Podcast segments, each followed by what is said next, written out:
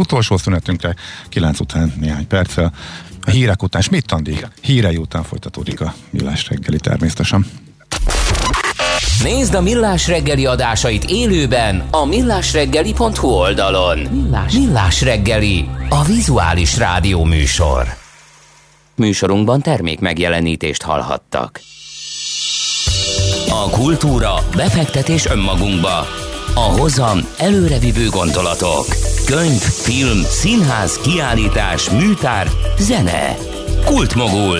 A millás reggeli műfajokon és zsánereken átívelő kulturális hozamgeneráló rovata minden kedden 9 óra 30 után. Ha a bankszámlád mellett a lelked és szürke állományod is építeni szeretnéd. Fektes be magadba, kulturálódj! A rovat támogatója a Budapesti Metropolitán Egyetem, az Alkotó Egyetem.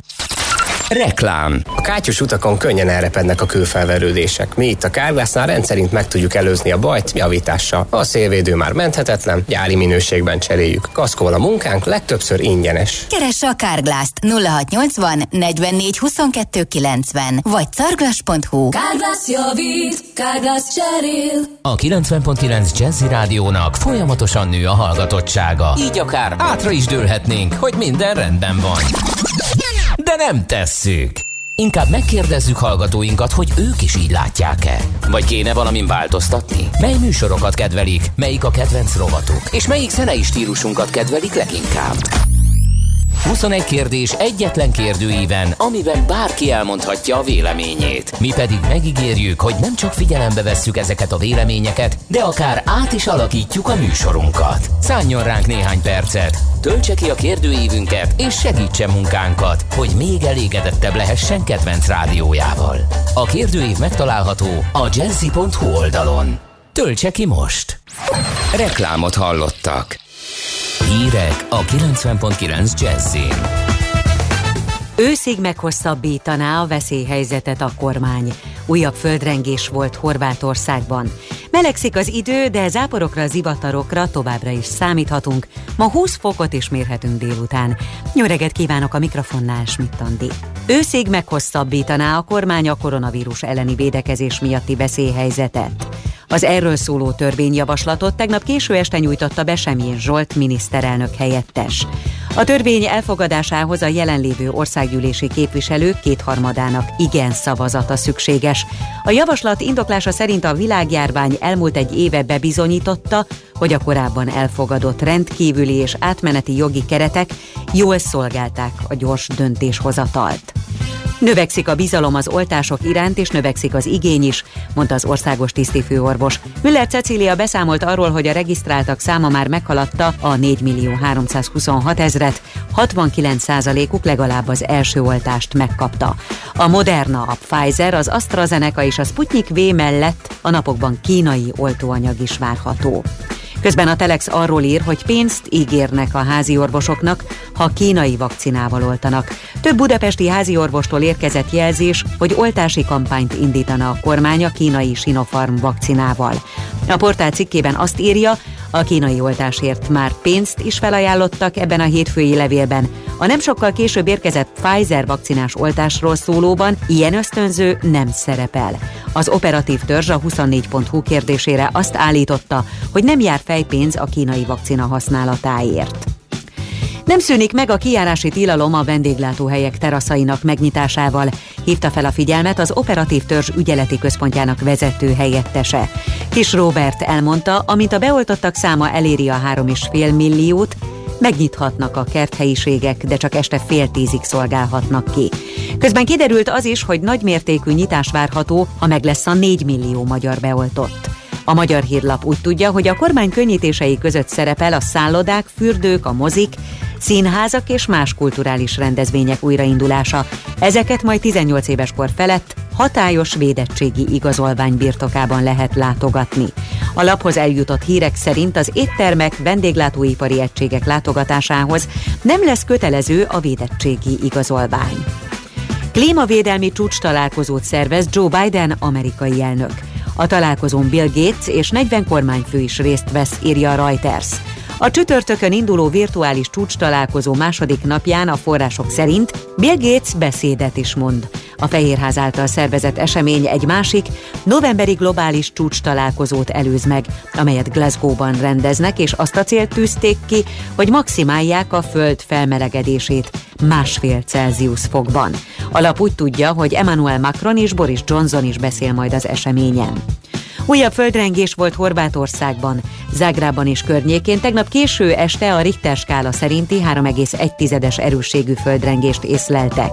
A földrengés epicentrumát a horvát főváros északkeleti részében mérték be. Személyi sérülésről és anyagi kárról egyelőre nem érkezett bejelentés. A téli olimpián tesztelheti digitális valutáját Peking. A tervek szerint a külföldről érkező látogatók használhatják majd a megoldást, melyen 7 éve dolgoznak. Az e-yuan tehát 2022-ben debütálhat, jelentette be a People's Bank of China vezető helyettese, ugyanakkor tagadta, hogy a dollár nemzetközi dominanciájának visszaszorítása állna a háttérben. A digitális valuta bevezetésétől a készpénzforgalom csökkenését és az online kereskedelem fellendülését várják Kínában. Melegszik az idő, sokat fog sütni a nap, de a keleti részeken időnként erősen megnövekszik a felhőzet, és elszórtan zápor zivatar is várható. Többfelé megélénkül a szél, napközben 14 és 20, késő este 5 és 10 fok között alakul a hőmérséklet. Köszönöm a figyelmet, a hírszerkesztőt Schmidt-Tandit hallották. Budapest legfrissebb közlekedési hírei, itt a 90.9 jazz Budapesten helyszínelnek a Balatoni úton az Egér útnál. A forgalom egy sávon váltakozva haladhat. Szintén baleset nehezíti a közlekedést a Hungária körúton az Árpád híd felé a Magyaródi útnál. Erős a forgalom a Budaörsi úton befelé a Sasadi úttól, a Kerepesi úton a Fogarasi úttól a Hungária körútig, az M3-as autópálya fővárosi szakaszán befelé a Szerencs utcáig. Április végéig az alsó tagozatos diákok díjmentesen utazhatnak a BKK járatain. A Dombóvári úton a Budai alsó rakpart felé a Rákóczi Idi felhajtónál csak egy sávjárató daruzás miatt.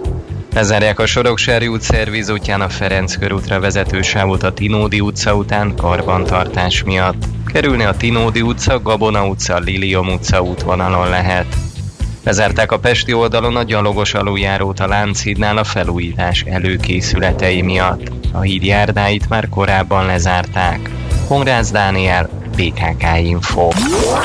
A hírek után már is folytatódik a millás reggeli. Itt a 90.9 jazz Következő műsorunkban termék megjelenítést hallhatnak.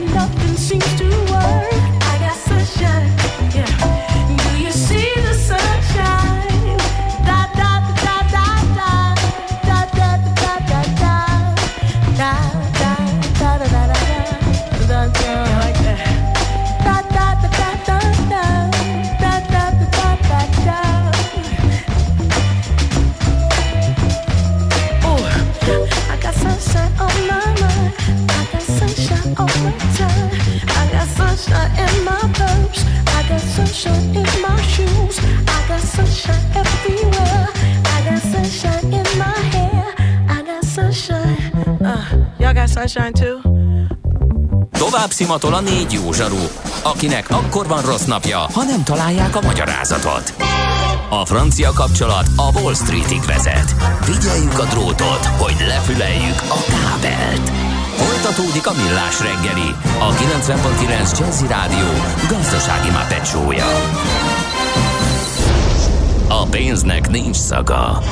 Mi mégis szimatot fogtunk. A Millás reggeli főtámogatója, a prémium alapanyagokból készülő Viva Gourmet szendvicsek forgalmazója, az OMV Hungária Kft. Folytatódik a millás reggeli 9 óra 16 és fél perckor továbbra is Mihálovics Andrással. És 9 óra 16 és 3 negyed perckor továbbra is Ács Gáborral. Jó, köszönöm. És éppen eltűntek azok az ünetek, amelyekre a pénzes visszatérítésre szóltak eh, számla ügyben, eh, de még arra majd talán a műsor végén lesz pár pillanat, akkor eh, visszatérünk. De most még egy izgalmas témán következik a zöld rovatban. Milyen legyen a jövő? Az oké, hogy totál zöld, de mégis mennyire? Nagyon csúcs zöld? Maxi zöld? Fantasztikusan zöld? Abban egyetérthetünk, hogy semmiképpen sem szürke, még 50 árnyalatban sem. Szuper zöld. A millás reggeli megújuló energiával, fenntarthatósággal és környezetvédelemmel foglalkozó rovata következik. Együttműködő partnerünk a Green Collect Kft. A vállalkozások szakértő partnere. Green Collect. Hulladék gazdálkodásban otthon. No kérem szépen, hát ugye mindig nagy hevülettel mondjuk, hogy miért nincs bölény, medve, farkas, hiúz, tigris, oroszlán, bármi egyéb nagy ragadozó Magyarországon. A vita remélhetőleg ez ügyben véget ért, mert örömteli hír, hogy farkas is, medve is és hiúz is van Magyarországon, tehát visszatértek a nagy ragadozók. Akkor most itt hátra dőlhetnénk, de ilyenkor szoktak jönni a gondok, úgy a kirándulók szempontjából, mint a gazdálkodók szempontjából, erdészek, állattartók, stb. stb. Mert hát ugye sem a medve, sem a farkas nem tudja, hogy melyik állatot lehet neki elfogyasztani, és melyiket nem. Úgyhogy ezért nagyon fontos az a kezdeményezés, hogy amit a WWF Magyarország csinál, jelesül, hogy az együttélés megkönnyítésére egy kézikönyv sorozatot készítettek, Nagy, Magyar, Nagy Ragadozók Magyarországon című sorozat. Erről fogunk beszélgetni, meg ennek egy kicsit a hátteréről Patko Lászlóval, a WWF Magyarország nagy ragadozók programjának vezetőjével. Jó reggelt kívánunk! Jó reggelt, sziasztok, üdvözlöm a kedves hallgatókat is. Szerbusz. Ugye az már nem vita téma, hogy nagy ragadozók vannak Magyarországon, élnek Magyarországon, és nem csak átvonulóba, hébe-hóba lehet velük találkozni.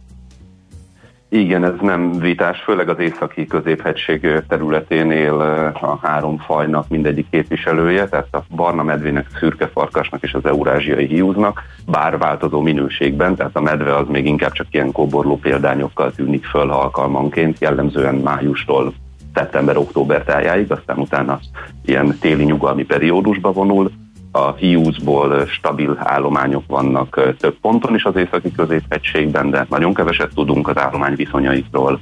A farkas pedig hát tulajdonképpen szaporodó állományokat képez már több mint egy évtizede itthon, elsősorban a Bükkben, az Aktereki Karszon és az Empéni hegység területén, de egy-egy példánya például már a Börzsönyben is föltűnt 2017 év végén. Túrázóként nem kell, hogy aggódjunk a medvék miatt, mert Erdélyből folyamatosan jönnek a medvetámadásokról a hírek, de itthonról még ilyenről nem hallottunk.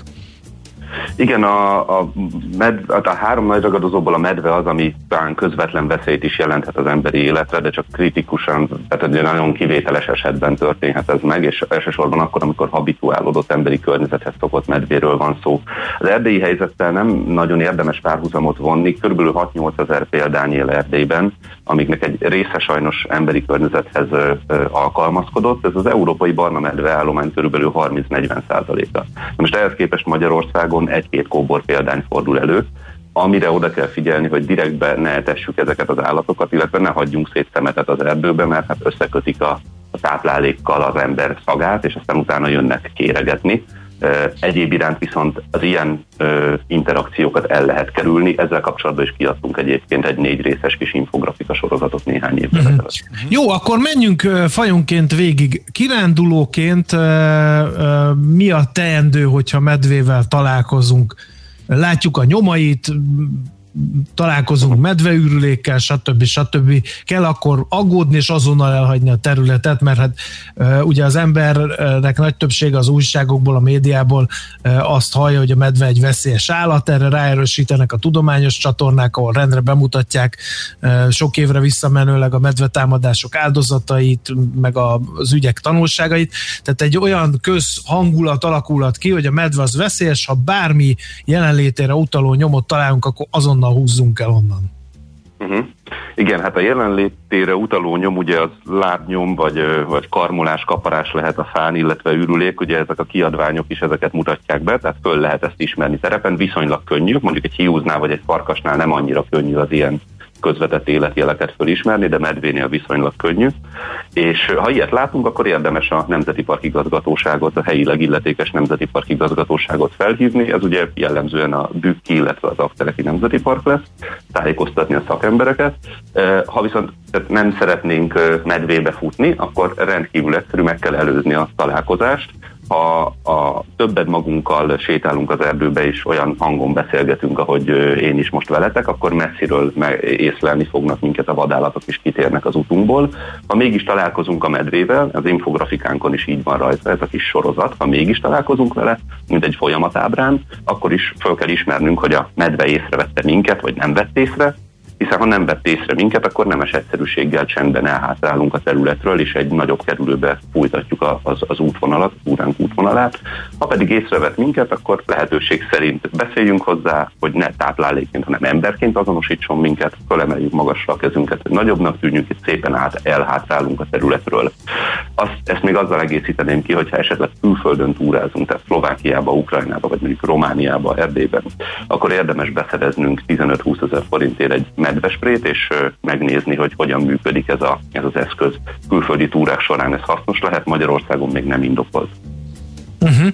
Uh, egy kicsit térjünk ki a gazdálkodókra. Ugye azért uh, Erdélyben én sokat túráztam, medve járt a helyeken is, beszélgettem ott a gazdálkodókkal, és a medve például azért az állattartókra is időnként veszélyes lehet, sőt, hogyha rákap a hús ízére, akkor nem is nagyon lehet ezt leállítani. Egyrészt, másrészt nagy kérdés, hogy egy ilyen nagy testű állat ö, okoz-e például az erdőgazdálkodásban problémát. Tehát egy szó, mint száz, a kérdésem lényeg arra vonatkozik, hogy a gazdálkodók, akár erdészek, akár állattartók, hogy tudnak együtt élni mondjuk egy medvével, ami az ő területöken lakik és vadászik. Igen, a négy kis könyvecske, könyvsorozat négy részéből kettő tulajdonképpen ezzel foglalkozik, a károk felismerésével és a károk megelőzésével. Ez egy nagyon-nagyon fontos, kritikus kérdés. Elsősorban a, a vadgazdálkodással foglalkozók és állattartással foglalkozók érintettek a nagy ragadozók károkozásában. Ezeket a károkat bizonyos eszközökkel meg lehet előzni, villanypásztorral, nagytestű őrkutyával például, illetve éjszakai őrzéssel, vagy úgynevezett ilyen rémzsinóros fledris rendszerrel, ezekről szólnak a kiadványok is. Uh-huh. Uh, jó, térjünk át a farkasra. A farkas akár a kirándulók, akár a gazdálkodók számára mennyire kerülhet szem elé, mennyire okozhat károkat, mennyire kell tartani tőle? Uh-huh. Igen, a, a, hát a farkas az már, már nem, nem ennyire problémás, legalábbis a kirándulók számára. Talán az állattartók számára egyébként jobban, e, hiszen magasabb állománysűrűségben van jelen Magyarország területén, és több jelentett kár is érkezik az északi középhegység területéről, ami bizonyosságot is nyert, hogy tényleg farkas okozta. Számos esetben egyébként aranysaká vagy kóborkutya okoz kártételt mondjuk a a gazdálkodók jó állományába, de néhányszor azért előfordul, hogy a farkas is rá tud szokni a könnyen megszerezhető haszonállatokra, ezért nagyon fontos a prevenció, tehát a kármegelőzés, hogy eleve arra tanítsuk az állatokat, a vadállatokat gyakorlatilag, hogy ez egy nehezen megszerezhető táplálék, már mint a haszonállat, hiszen ha villanytásztor és őrkutya van, akkor nem éri meg a befektetést. De visszatérve a veszélyességére, tehát hogy mondjuk egy átlag ember, egy túrázó, az, az, az, az mit gondolhat a farkasról. Hát azt, amit a kőszívű ember fiaiba látott, hogy a farkasok farkában megtámadják az ember. Igen, Hát a farkasok falkába járnak, de nem támadják meg az embert, igen, vagy, vagy párban, de az is lehet, hogy magányosan. A Ninának, ez a Norvég Természettudományos Intézetnek egy, egy eredményét hoznám ide példaként. Ők 1950 és 2000 között hasonlítottak össze az adatokat, statisztikákat Európába. 59 farkas támadás történt ez alatt az év alatt, vagy ennyi év alatt. Tehát mondjuk évente egy farkas támadás ezeknek a jelentős része veszett állat volt, és a jelentős része Spanyolországban történt, tehát fontosak azért a lokalitások is, mert mondjuk Spanyolországban és a Balkánon élnek a legnagyobb sűrűségben a farkasok Európában, vagy még Olaszországban is, de hogy nyilván ezekre a területekre koncentrálódik, az az átlagban egész Európában évi egy támadás. Ehhez képest mondjuk egy 2016-os szakirodalom Európában 45 halálos kutyatámadást regisztrált, tehát kutyatámadás egy évben van mondjuk 40-50, ami halálos, farkas támadás, ami meg esetleg sérüléssel jár, az meg évente egy. Uh-huh. Úgyhogy ezt a, a veszélyességéről ennyit mondanék, illetve hát ugye vannak veszélyes, meg vannak félelmetes dolgok, és én azt nem vitatom, hogy a nagy ragadozók félelmetesek, ez igazából, hát ez tulajdonképpen a szexet ígyük, a félelmetes dolgok vélt kockázatot jelentenek, a veszélyesek meg valósak.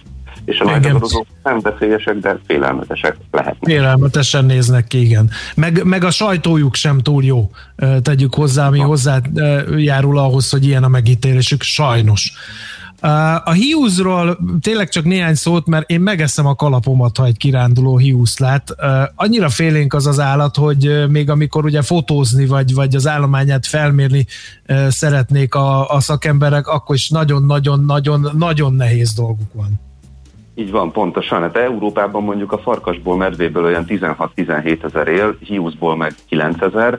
Hát csak összehasonlításként mondjuk 50-60 ezer gímszarvast ejtenek el Magyarországon a, a vadászok évente, tehát hogy ilyen állományokról beszélünk, hogy mondjuk Európában 9 ezer hiúz, és csak Magyarországon mondjuk 50-60 ezer gímszarvas elejtés van, tehát nyilván ez egy nagyon-nagyon kicsi állomány nagyság. Magyarországon is néhány tucat élhet belőle, Hát ő is az északi középhegység területén fordul elő, és ahogy te is mondtad, kevés adatot lehet róla szerezni, ezeket jellemzően vadkamerás vizsgálatokkal gyűjtik a Nemzeti Park igazgatóságok, és az adataink jelenlét hiányadatokra koncentrálnak, tehát nem tudunk pontos számokat megmondani, azt tudjuk megmondani, hogy hol fordul elő, és hol nem fordul elő nagy uh-huh. valószínűség. És ezért a kártétele is, meg a, a kirándulókat hagyjuk is ki a képből, mert teljesen valószínűtlen, hogy hiúzzal találkoznak, és hát gondolom, hogy a gazdálkodók is nyugodtan alhatnak a hiúztól, sokkal kisebb termetű, mint a farkas meg a medve, és, és hát hogy ilyen kevés, meg ilyen félénk, akkor gondolom, hogy a gazdasági kártétele is elenyésző lehet. I- igen, köszönöm ezt a kiegészítést. Tehát úgy általában nagy ragadozókról beszélünk, de valójában a hiúz kárt. Amikor kártételről beszélünk, arról beszélünk, hogy a nagy ragadozók milyen károkat okoznak, a hiúz nem okoz kárt. Uh-huh. Tehát ő annyira fél, fél az embertől, ő a legkevésbé adaptív talán a másik két fajhoz képest. A medve, illetve a farkas az, ami a haszonállatállományokban tud kárt okozni. Magyarországon elsősorban a farkas, de hát ez is egy 10-15 esetre uh-huh. koncentrálódik mondjuk egy évben, a hiúz pedig egyáltalán nem okoz kárt a hiú vagy kecske állományok. Egy utolsó kérdés, és ez pedig a hazai vadásztársadalomra vonatkozik. Um, Említetted, hogy a vadgazdálkodásban is okozhatnak ezek, ezek a nagy ragadozók kárt. Egyrészt. Másrészt azért más országokban vadászható vadfajokról van szó. Sikerült megértetni a magyar vadásztársadalommal, hogy gyűrje le akár a vadállomány féltése miatt, akár a hőnáhított trófea megszerzése okán felmerülő vadászlázát? Hát 65 ezer magyar vadász van, úgyhogy nyilván ez egy rendkívül divers szubkultúra, mondjuk úgy, úgyhogy nem szeretnék általánosítani, de több olyan vadgazdálkodóval is készítettünk interjút, amik megtekinthetők a a Eurolarge Carnivores projektnek a YouTube csatornáján, ez az Euro Larget Carnivores YouTube, csatornán megtekinthető, akik vadászok, vadgazdálkodók és, és elfogadó szemlélettel bírnak a nagy ragadozók iránt, illetve a wwf.hu-n is írásos riportok készültek ezekről, a, vagy ezekkel a vadgazdálkodókkal. Sajnos előfordulnak illegális elejtések, 2013-ban Salgótarján mellett medvét lőttek, 14-be, 16-ba pedig farkast a Bükki Nemzeti Park Igazgatóság területén. Úgyhogy ilyen dolgok előfordulnak, de ebb nem, nem lehet általánosítani a 65 mhm. ezer magyar. De azért azt, azt itt és most szögezzük le, hogy ezek a védett állatok, nem szabad őket elejteni. Magyarország területén mind a három faj fokozottan védett, igen, de ahogy te is említetted, környező országokban, például Szlovákiában mondjuk eseti engedéllyel vadászható a farkas is, medve is. Igen, és Romániában is egyébként, ahogy, ahogy hallom. Igen. Jó, Gábor, van-e kérdésed vad természetjáróként, mert vagy mindenre választ kaptál, és nem fogsz majrézni a Nem, lenne, lenne több, és csak időnk nincs, úgyhogy szerintem érdemes majd még visszatérni rá, igen. Jó, akkor visszatérünk erre a témára. Köszönjük szépen az ismeret terjesztés, ráfért szerintem mindannyiunkra, hogy ezeket a gondolatokat hallhattuk. Köszönjük még egyszer. Örömmel állunk rendelkezésetekre, köszönjük mi is, sziasztok! Minden jót, szervusz! Patkó Lászlóval, a WWF Magyarország nagy ragadozók programjának vezetőjével beszélgettünk abból az alkalomból, hogy az együttélés megkönnyítésére négy részes kézikön sorozatot készítettek, ami arról szól, hogy hogy lehet, hogy kell bánni farkassal, medvével, hiúzzal, kirándulóként vagy gazdálkodóként. Annyit még ide hogy a hallgatók poénosra vették a figurát. Nyilván, például... annyira biztos voltam. Tehát szerkesztőként ezért válogattam be a témát, hogy ma is megkaphassuk, hogy a sör nem itala, medve nem játék, ne állj le beszélgetni a medvével, mert gyakran félbeszakít. Így van, így van, így van. Pontosan, a, fél, a, a félbeszakít az, az megjött, a ráibáztál, viszont még egy hiányzik, mi, mi lehet, ami kimaradt. Az lenne a kérdésem, hogy Szlovákiában vagy Romániában túrázunk, akkor szlovákul vagy románul kell a medvéhez beszélni. Na, Hú, úgy érzem, hogy a foglalkozás elérte a célját, miként azt is érzem határozottan, hogy rá kell pihennem az előző beszélgetés nyomán feltámadó hallgatói gondolatokra, úgyhogy adjuk át a terepet Schmidt Andilag. A Millás reggeli megújuló energiával, fenntarthatósággal és környezetvédelemmel foglalkozó rovata hangzott el. Superzöld, hogy a jövő ne szürke legyen, hanem zöld. Oké? Okay? Együttműködő partnerünk a Green Collect Kft. a vállalkozások szakértő partnere. Green Collect. gazdálkodásban otthon. Nézz is! Ne csak hallgass! millásreggeli.hu Műsorunkban termék megjelenítést hallhattak. Rövid hírek a 90.9 Jazzin. Közel másfél millió orosz és kínai vakcina érkezik a következő tíz napban, jelentette be ma reggel Szijjártó Péter. A külügyminiszter ismertette, szombaton 600 ezer oltóanyag jött Kínából, jövő hét elején Oroszországból megérkezik 280 ezer második komponens, amelyel biztosítják azt, hogy akik eddig megkapták az első komponenst, most a másodikat is megkaphatják. A jövő hét második felében érkezik még 400 ezer Sinopharm oltóanyag Kínából. Szintén a jövő hét második felében még jön 200 ezer Sputnik első komponens is. Kínából összesen 2,1 millió oltóanyag lesz Magyar Magyarországon. A hétfői Moderna szállítmány után tegnap több mint 60 ezer adag AstraZeneca és csak nem 250 ezer adag Pfizer vakcina is érkezett. Közben a Telex arról ír, hogy pénzt ígérnek a házi orvosoknak, ha kínai vakcinával oltanak. Több budapesti házi orvostól érkezett jelzés, hogy oltási kampányt indítana a kormány a kínai Sinopharm vakcinával. A portál cikkében azt írja, a kínai oltásért már pénzt is felajánlottak. Ebben a hétfői levélben a nem sokkal később érkezett Pfizer vakcina oltásról szólóban ilyen ösztönző nem szerepel. Az operatív törzs a 24.hu kérdésére azt állította, hogy nem jár fejpénz a kínai vakcina használatáért. Bár a járványügyi adatok kedvezően alakulnak, a szennyvízben mért koronavírus koncentráció még mindig magas, és néhány városban még emelkedik, emelte ki a Délpesti Centrum Kórház infektológus főorvosa a Kossuth Rádióban. Szlávik János elmondta, a járvány harmadik hullámának még nincs vége, továbbra is óvatosnak kell lenni, és még több embert meggyőzni a védőoltás fontosságáról. Megkezdődött a MÁV új típusú jegy és bérlet automatáinak két hónapos próbaüzeme. A 13 automatát a nyugati és a keleti pályaudvaron tesztelik. Ezután várhatóan nyár végén kezdődhet meg további több mint 360 új típusú automata telepítése. Száznál csak bankkártyával, a többinél készpénzzel is lehet fizetni. Az új készülékeket egyebek között a Győri, az Esztergomi, a Szobi, a Székesfehérvári, a Ceglédi, valamint a Lajos Mizsei vasútvonalon helyezik el. Május közepéig lehet nevezni a Bújtor István Filmfesztiválra. A szervezők olyan filmeket várnak, melyek valamilyen rejtélyt dolgoznak fel, az emberi élet sokszínűségét ábrázolják. A rendszerváltáshoz vagy a koronavírus járványhoz kapcsolódó történetek feldolgozását is várják.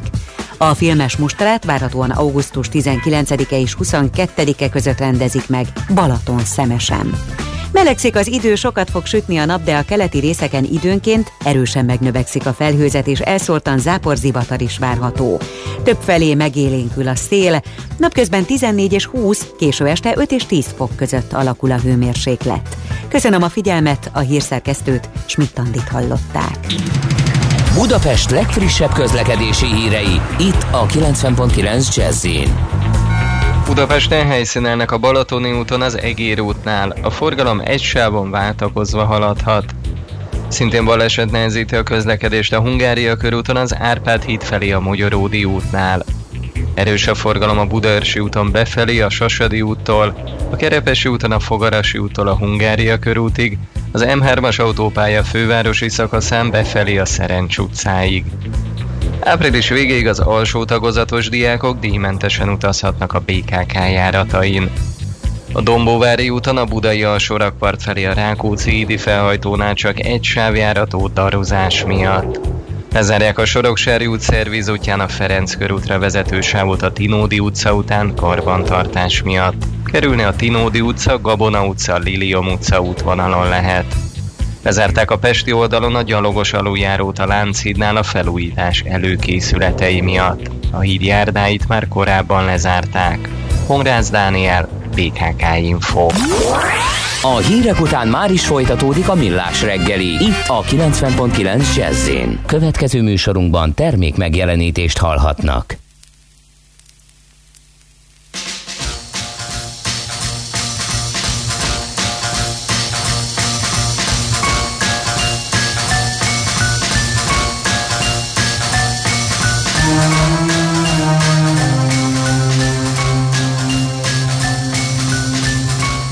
Life is hard, and so am I. You'd better give me something so I don't die.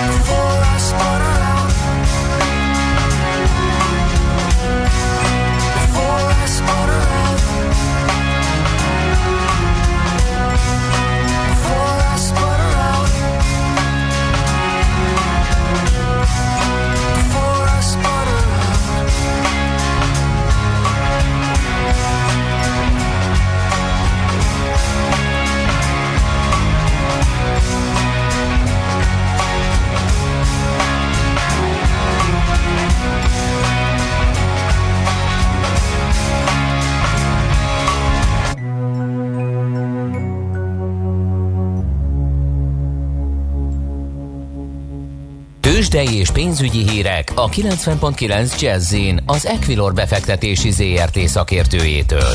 Equilor, 30 éve a befektetések szakértője. Török Lajos vezető elemző a vonalban. Jó reggelt, szia! Jó reggelt, köszöntöm a hallgatókat! Tegnap csúnya esés volt Európában, Amerika sem állt föl nagyon. Milyen a folytatás? Igen, ezért látszik, hogy egy picit eh, visszakorrigáltak a részvények a tegnapi esés után itt Európában azért jelentős pluszban tudtunk nyitni, a DAX 0,4, a Eurostox 50 például 0,8%-os pluszban van, francia tőzsde is 0,6%-ot emelkedett. Amerikát ugye nem ütötték meg tegnap annyira, de nem is tudott ennyire helyreállni a Dow Jones és az S&P minimális pluszban, a Nasdaq viszont 0,3%-ot továbbra is csökken. Mondjuk a Nasdaqra az hozzájárul az, hogy jelentett tegnap a Netflix, és ugye az árás után is elég gyenge eredményeket tett közé, ezután aztán jelentős esett a streaming szolgáltató részvénye. Megnézem a pontos számokat, hogy 8,5% volt ugye a mínusz végül is nap végén, úgyhogy nem tetszett a befektetőknek, amit közölt a cég. Uh-huh. Oké, okay, és akkor a magyar blue konkrétan? Igen, Magyarországon egyébként sokkal jobban nézünk, ugye tegnap is felülteljesítő volt a BUX, és most is 0,6%-os pluszban van. Az OTP 0,2%-ot emelkedett 13.195 forinton, a MOL 0,6%-os plusz mellett 2056 forinton, elég 8650 forinton itt a legnagyobb 1,7%-os az emelkedés, a Telekom pedig iránykeres és 418 forinton kereskedik továbbra is. A forgalom egyébként átlagosnak mondható, most 613 millió forintnál vagyunk, ugye egy izgalmasabb napon azért ilyenkor már közelítjük az 1 milliárdot, de ez nagyjából megfelel egyébként az átlagnak. Uh-huh. Van-e valami mocorgás a második vonalban? Olyan óriási mozgások nincsenek, ugye ma fog jelenteni az Opus, ugye az éves jelentését fogja közé tenni, ez mindenképpen érdekes lesz, de nem volt egy forintot csökkent ma az árfolyam, tehát nincsen óriási mozgás itt sem, és a kis papíroknak is a forgalma azért ellenyésző, úgyhogy itt se tudok semmi igazán érdekesről beszámolni. Uh-huh. Melyik oldalát nézegeti a forint a 360-nak? Hát ugye most úgy tűnik, hogy egy, egyértelműen a fölötte lévő iránya meghatározó, most már 361 forintnál és 98 fillérnél vagyunk, tehát úgy tűnik, hogy ez a 360 alá benéztünk egyszer, de utána ismét a szokásos irányba fordultunk, és ugye megyünk a 360-365 forint közé. Uh-huh, Oké. Okay. Nagyon szépen köszönjük Lajos, szép napot, jó munkát. Köszönöm, Szia. sziasztok! Török Lajos vezetőlemző mesélt a tőzsdenyításról, és mondta el, hogy a forint lassan, de gyengülőben van. Tőzsdei és pénzügyi híreket hallottak a 90.9 jazz az Equilor befektetési ZRT szakértőjétől.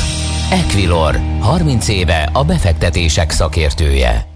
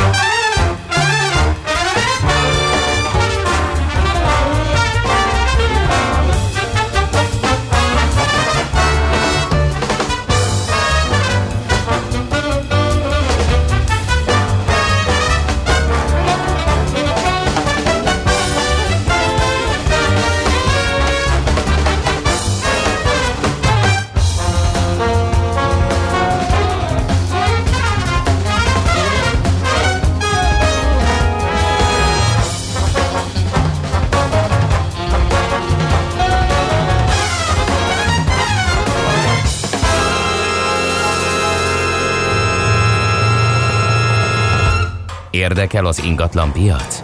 Befektetni szeretnél? Irodát vagy lakást keresel? Építkezel, felújítasz? Vagy energetikai megoldások érdekelnek? Nem tudod még, hogy mindezt miből finanszírozd? Mi segítünk! Hallgassd a négyzetmétert, a millás reggeli ingatlan rovatát. Ingatlan ügyek rálátással. Hát sok-sok éve aggódunk azon, meg jönnek a hírek, hogy mennyire előregedő a magyar e, lakáspiac, illetve lakásállomány egészen e, pontosan. Ehhez képest elég markáns fordulat rajzolódik ki. Erről fogunk beszélgetni Balog Lászlóval, az ingatlan.com vezető gazdasági szakértőjével, akit van a vonalban. Jó reggel, szia! Jó reggel, szervusztok! Üdvözlöm a kedves hallgatókat! Na most ez hogy is volt, hogy mikor volt a fordulat, de nem inkább. Mennyi lenne az ideális? Tehát hány lakás van Magyarországon, de menny, milyen gyorsan kéne ennek megújulnia, hol voltunk ettől, és mitől változott meg a trend?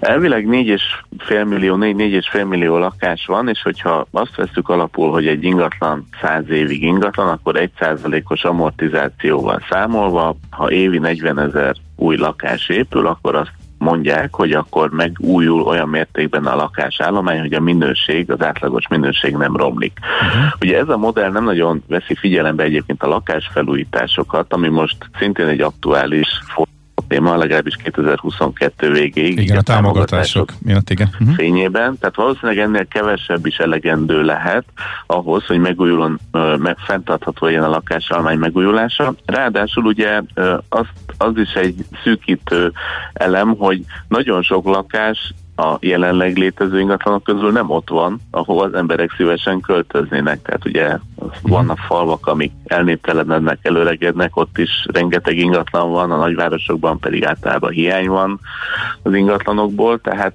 ha, ha egy 35-40 ezer ingatlan épül, akkor azzal, azzal nyugodtan hátradőlhetnénk. Hm. És ehhez képest mit, mit mutattak a számok, és hogyan változott? Ehhez képest, ugye 2010, azt ben, 2010-es években, amikor a, a válság begyűrűzött a lakásépítésekben is, a mélyponton alig 7000 ingatlan épült, tehát e, kevesebb, mint az ötöde annak, amennyi szükséges, és most ez folyamatosan felívelődő tendenciát mutat.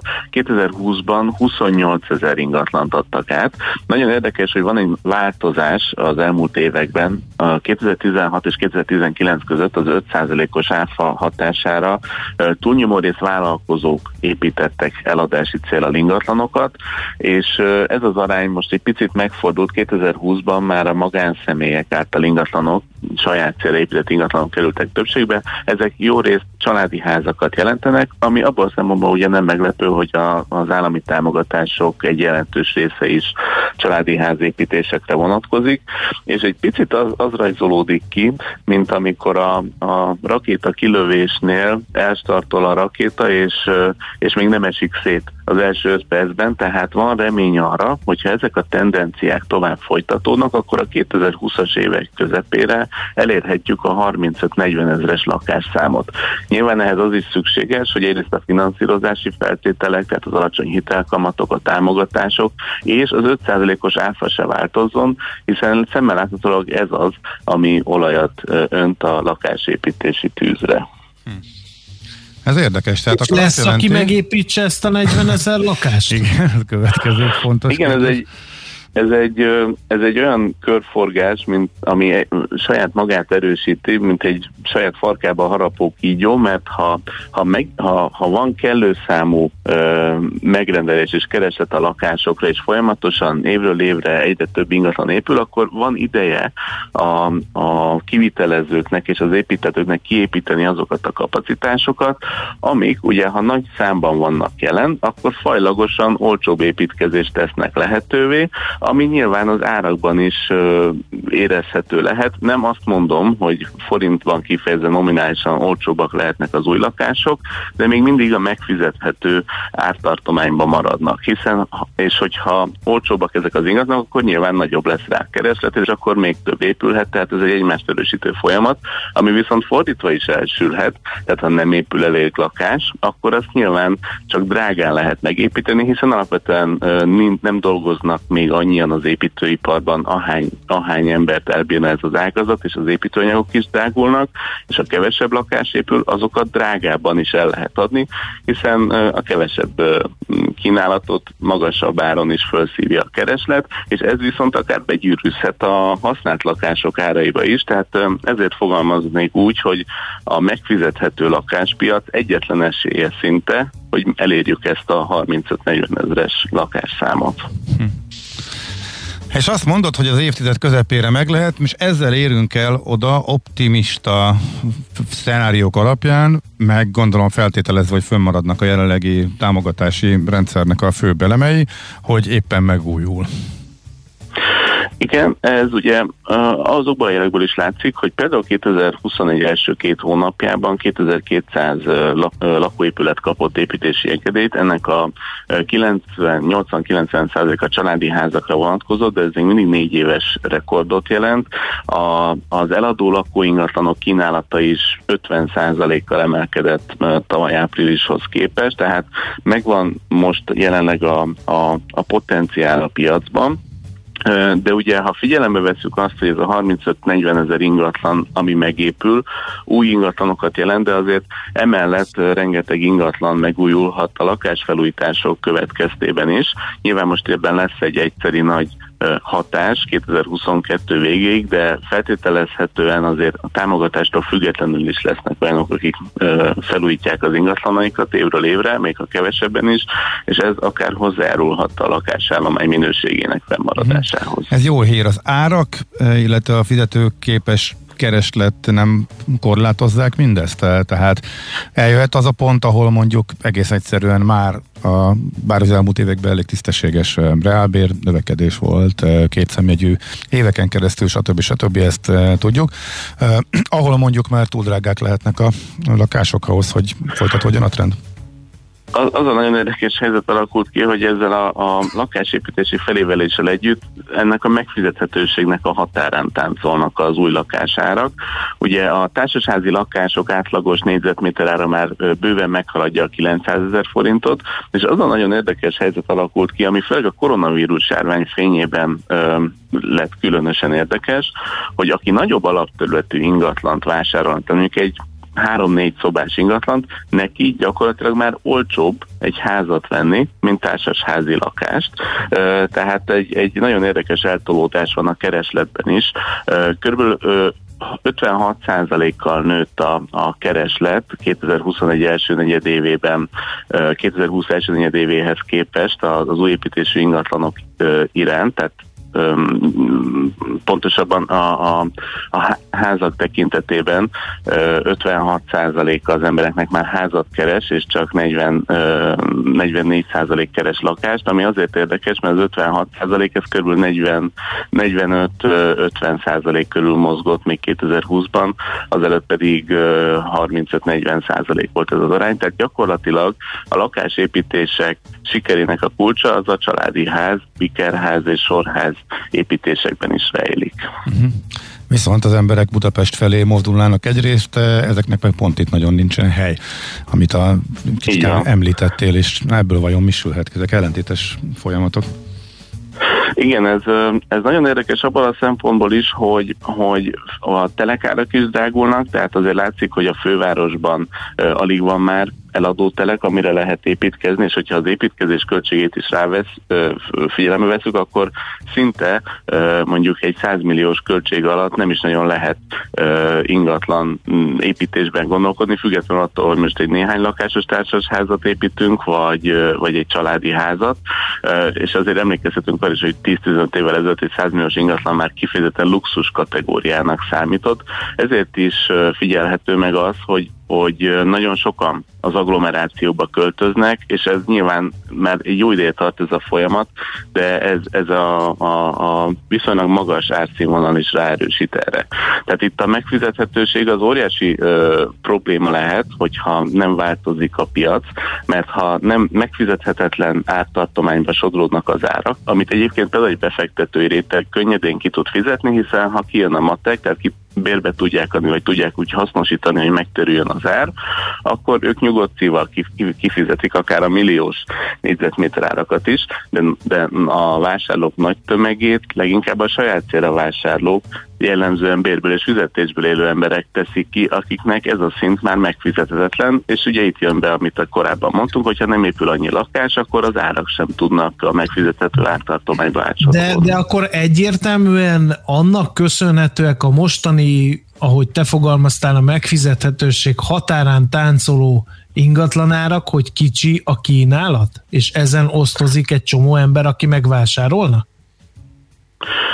Igen, hiszen ugye ha kevés ha ahhoz képest kevés lakás épül, mint amennyi épülhetne, ez a kereslet kínálat törvénye alapján a kevesebb számú jószágot vagy vagyoni elemet, azt könnyebben lehet magasabb áron értékesíteni. Nyilván, ha nagyobb lenne a kínálat, és akkor már beindul egyfajta verseny a vevőkér is, akkor, akkor vannak olyan sarokszámok, amiket már nehéz mondjuk árban túl, túllépni. Egyébként ezt a, a gyakorlatban is ezt a kísérletet végigélhettük a saját bőrünkön is, hiszen 2020-ban voltak ilyen ingatlanok, amiket 27%-os áfakulcsal értékesítettek, és voltak olyanok, amiket 5%-ossal.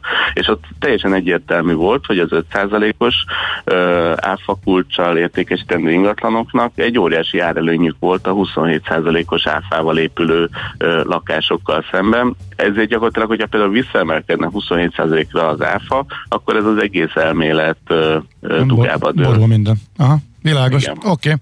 Nagyon szépen köszönjük. Nagyon érdekes volt. És fogunk még erről beszélni. Szépen. Szép napot, jó munkát neked is. Nektek is. Sziasztok! Szia, szia! Balog Lászlóval az ingatlan.com vezető gazdasági szakértőjével beszélgettünk. Négyzetméter ingatlan ügyek rálátással. A millás reggeli ingatlan rovata hangzott el. Hát, véget ért a munka mára. Köszönjük szépen a figyelmet. Zárul Gaben munkatára. De, de ma, mackó, nem az sokára mackó. eljön hozzátok újra pajtások. Hát, te igen, lehet. Én, én, én nem. Vagy nem tudom mikor. Majd. Azt szeretném mondani, hogy a hallgatók írnak-e valamit. Még van pár percünk Jaj, abban. mert megint annyira belemerültem, hogy nem vettem elő még azt sem, amit megígértem. Most nem koncentráltam ide. Azt mondja, mostanában nézegettem új építés lakások.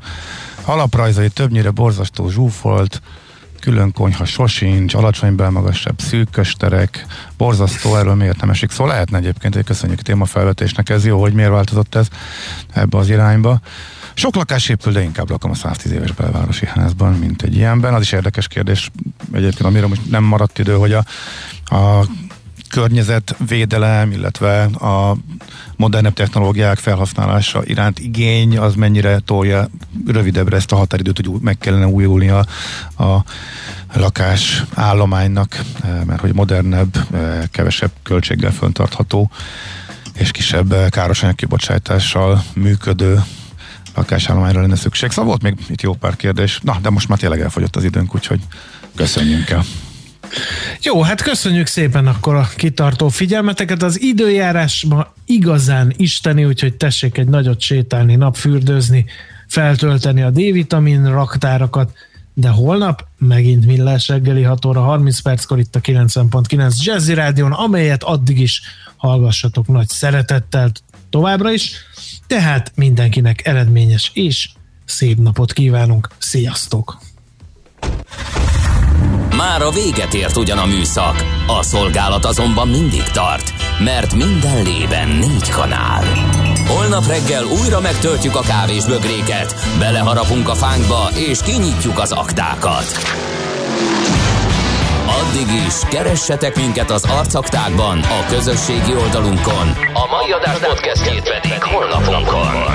Millás reggeli, a 90.9 Jazzy Rádió gazdasági mapetsója. Ha csak egy műsorra van időd idén, tégy róla, hogy ez legyen az. Csak egy dolog lenne még. A Millás reggeli főtámogatója, a prémium alapanyagokból készülő Viva Gourmet szendvicsek forgalmazója, az OMV Hungária Kft. Műsorunkban termék megjelenítést hallhattak. Sokkolóak a változások? Nehezen teljesülnek a célok új környezetben? Szeretnél jóból kiválóvá fejlődni?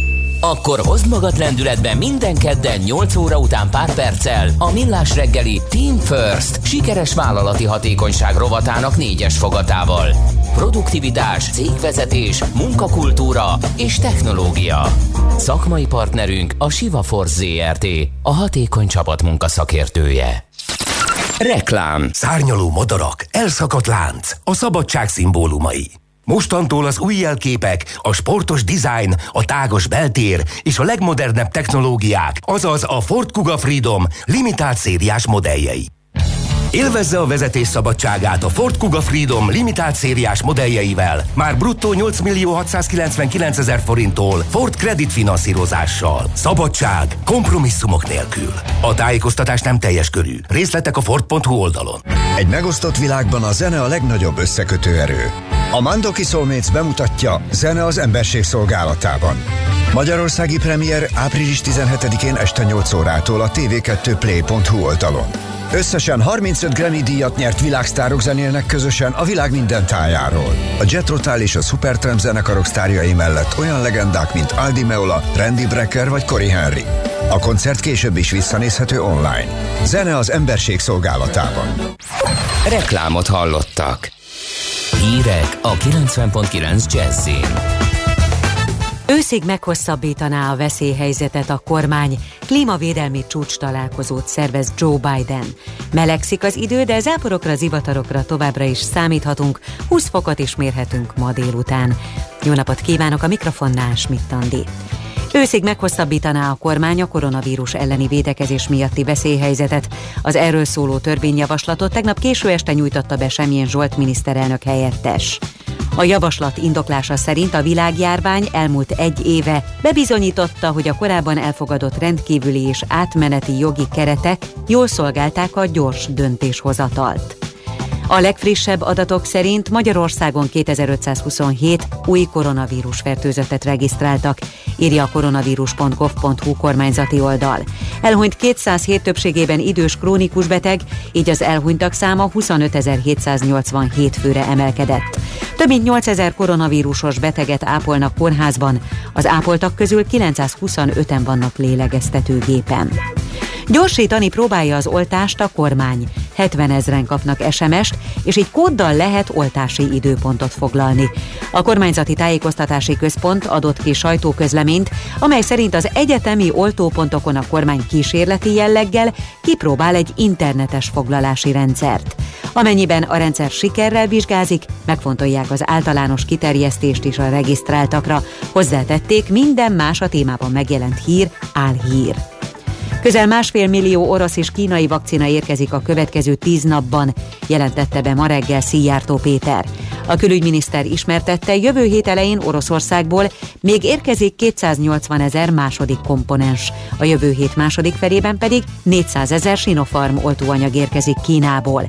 Kínából egyébként összesen 2,1 millió oltóanyag lesz Magyarországon. A hétfői Moderna szállítmány után tegnap több mint 70 ezer adag AstraZeneca és csak nem 250 ezer adag Pfizer vakcina is érkezett. Nem szűnik meg a kiárási tilalom a vendéglátóhelyek teraszainak megnyitásával, hívta fel a figyelmet az Operatív Törzs ügyeleti központjának vezető helyettese. Kis Robert elmondta, amint a beoltottak száma eléri a 3,5 milliót, megnyitnak a kerthelyiségek, de csak este fél tízig szolgálhatnak ki. Közben az is kiderült, hogy nagy mértékű nyitás várható, ha meg lesz a 4 millió magyar beoltott. A magyar hírlap úgy tudja, hogy a kormány könnyítései között szerepel a szállodák, fürdők, mozik, színházak és más kulturális rendezvények újraindulása. Ezeket majd 18 éves kor felett hatályos védettségi igazolvány birtokában lehet látogatni.